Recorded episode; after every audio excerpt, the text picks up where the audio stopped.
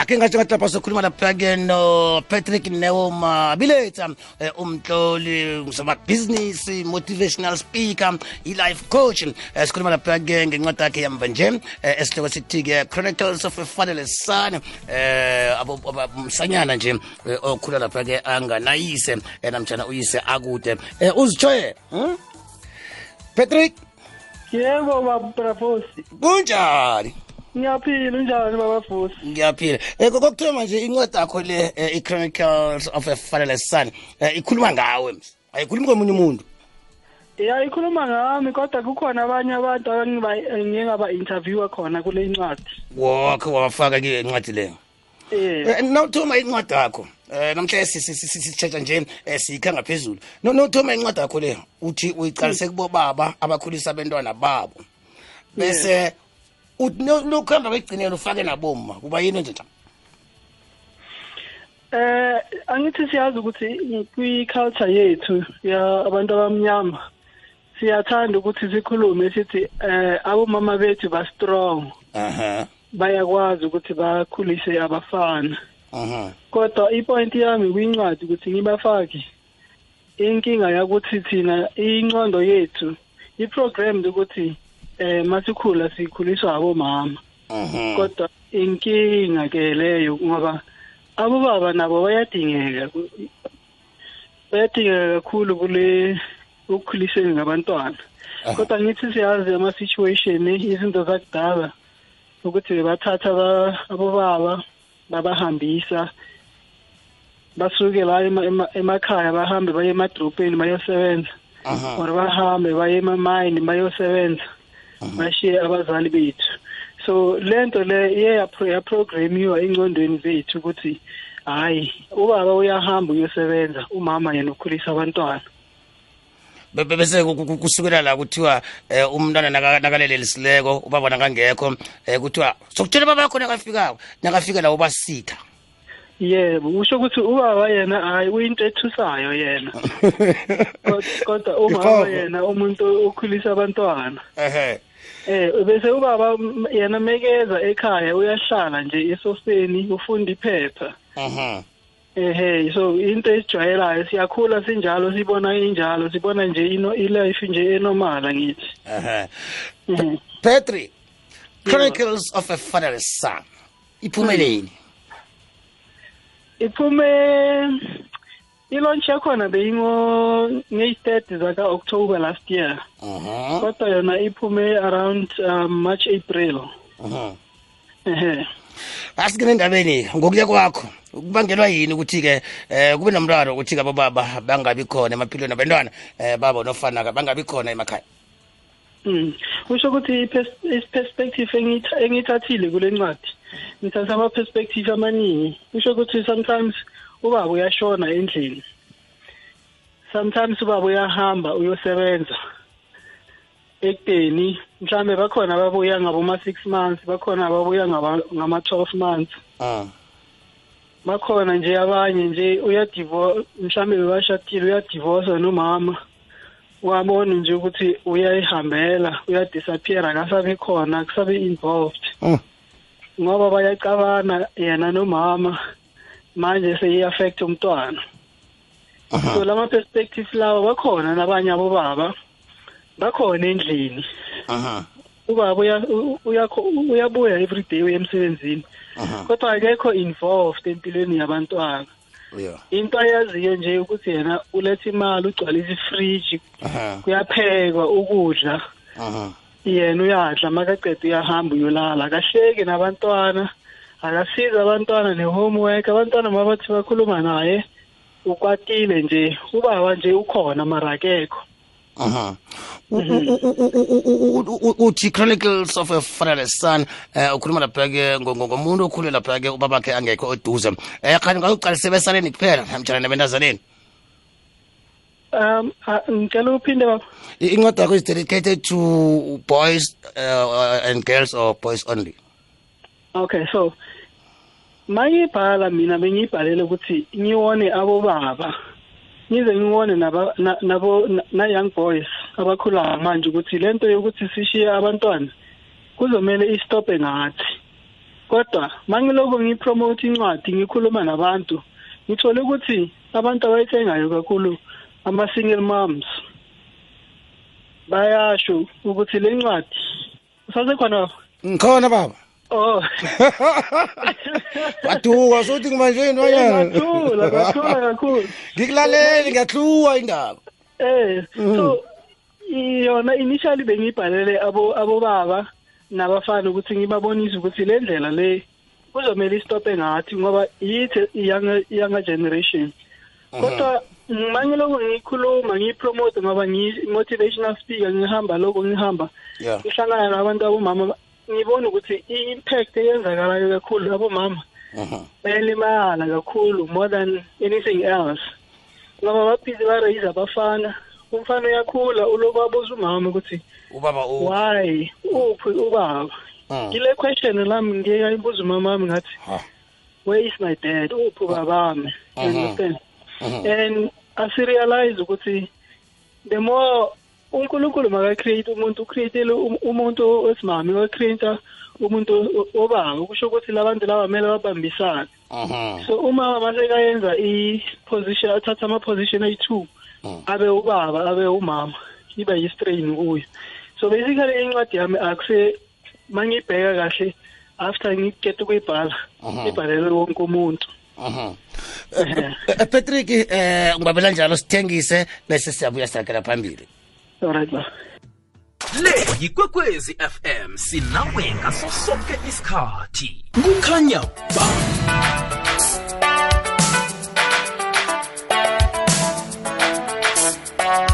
Yaba masumi amabili nanye imizuzu ngekwesimbi yesibili 21 minutes after 2 mhasho ikwekwezi FM kukhanya pha hlelo sidishile 12 to 3 kwaba nemavusana eh sikhuluma lapha ke noPatrick Neo Mabilita ngumhloli ngusamabhizinisi motivational speaker eh begodwa i-life coach. Sikhuluma ngana eh, ngencwadi yakhe yamba nje eh esihloko sithi Chronicles of a Fatherless Son eh batsho iphumela lapha ke enyangeni kaSewula eh, ngikhuluma ngo-October eminyakeni ogadungileko.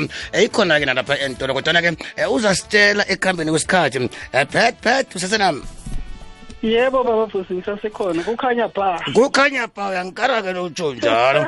Eh, Phethi ke eh, ukuhlukahluka eh kwamasiko. Ngikhuluma lapha nge-diversity of cultures. Eh ku- ku- kukuthinta njani ukukhuliswa komntwana? Mhlawumbe sithi umba mhlobo lo wenza isiko elinje baba mhlobo lo wenza isiko elinje. Umntwana-ke yena.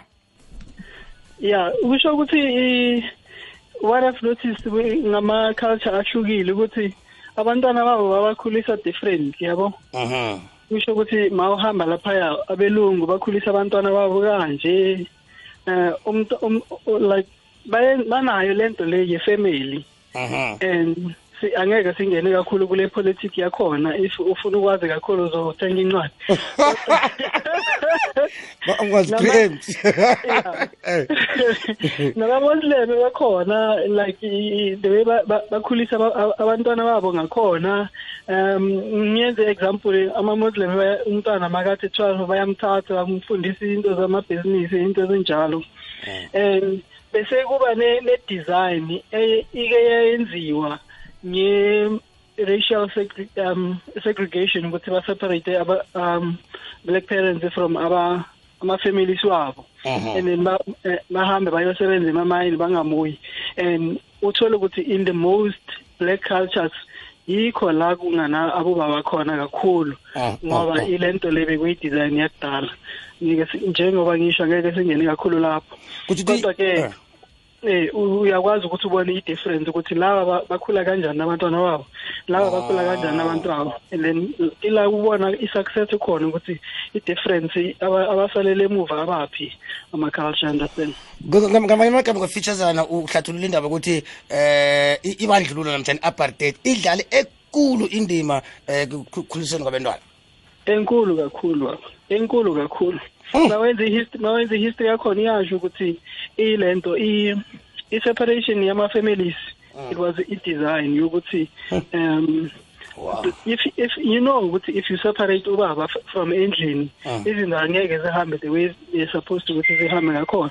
Especially mawenza umntana womfana endlini uzobona kubani ukuthi indoda kumele ibe njani.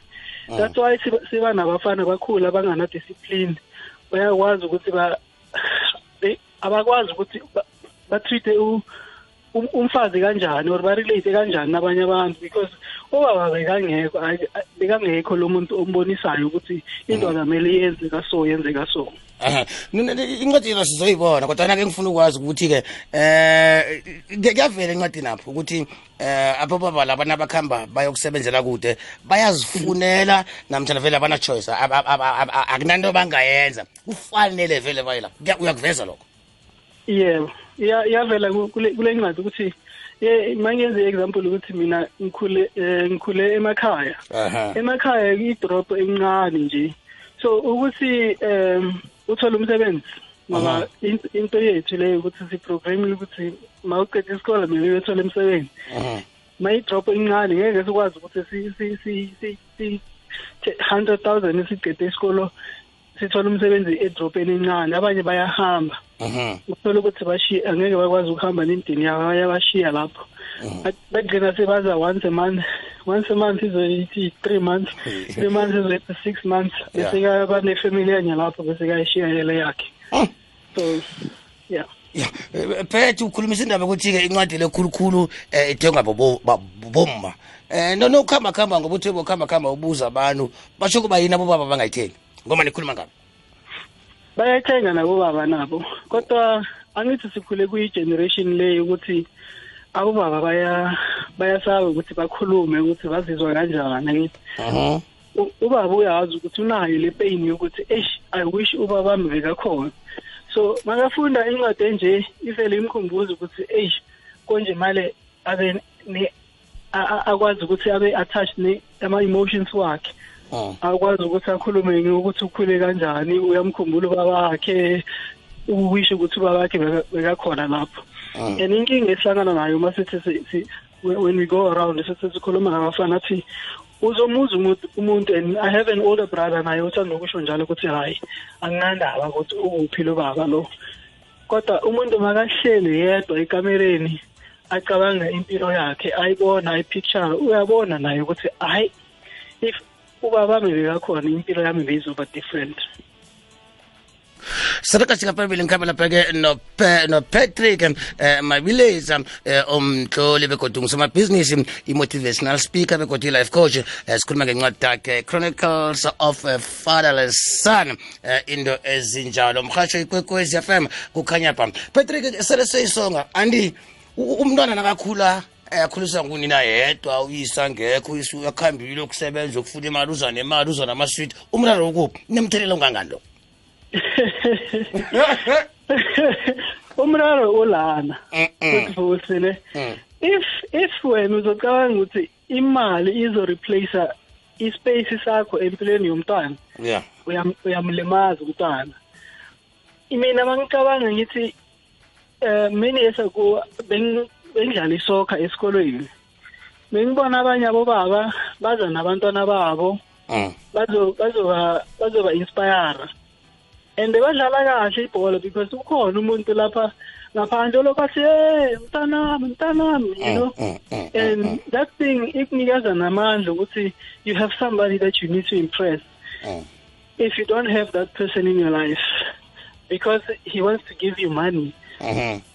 After he loses his job he has no idea ukuthi umntwana wakhe u- bekaphila kanjani Mm, mm, impilo mm, yabheda mm, mm, that's uba good. ne-stress still akakwazi ukuthi asivalele space lesi abobaba they are missing out Mm, kwabantwana babo because into ebayichaseayo nje imali of Mhm. course kumele imali ibe khona kumele kudliwe endlini Mhm. kumele kwaba provide but that aku- aku- akusinto e- eyi-one ekumele i-exist emhlabeni. Mm, mm, umntwana udinga both parents ubaba nomama endlini kuze kuthi kube nebalance.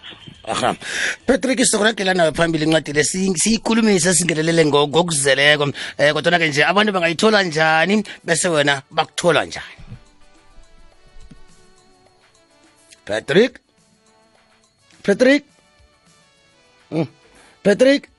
Yebo Oh, ngithi mina sokuragela phambili nayo incwadi leyo ngokuyikhulumisa iveke ezako. Kodwa nje engifuna ukwazi ukuthi ke umuntu ngoba uthe ikhona entolo eh bangayithola bunjani eh wena bese bakuthola bunjani ama contracts. yebo mina ikho is- is- bangangithumelela i-whatsapp i-whatsapp yami number ithi i-071 957 Mm. 46 Mm. 23 ehe ikhona nase Scoobs bookstore kodwa ama bookstore asavalile kwamanje Ehhe. eh eh, i-Scoobs bookstore eMonte Casino ikhona nasemaponya mall if ukhona eDurban ikhona naseDurban e-Adams bookstore Mm. um nako Facebook ungangithumelela i-inbox ngizoresponda Patrick nawo mabiletha Abantu bayakusaba ukufunda. Eh umuntu ngamthatha isikhathi singangani ukuthi ayicede. Akusencwadi enkulu angibha- angibhali incwadi ezinkulu. If umuntu akusumuntu ofunda angayigeda nge-two days or ngeveki if umuntu abantu abafunda fast vele bavele bangitshele ukuthi yo ngiyigedile um eh, bengiyifunda ebusuku um ngayigeda two days or one day. Bakhona abayigedayo ngaleso sikhathi. Ngithokozile ubana wasihlangene kodwa iveke ezako sikwazi uyikhulumisa ngitsho. Aw ngiyabonga ba Ah, again. Eh ngina pheke o Patrick Neo Mabiletha omhloli business motivational speaker, i life coach kusekusele kancane kuthiwe mhathi. Eh besikhuluma ngencwadi i Chronicles of a Fatherless Son umhathi oyikwekwezi FM kukhanya ba. #hlala ekhaya.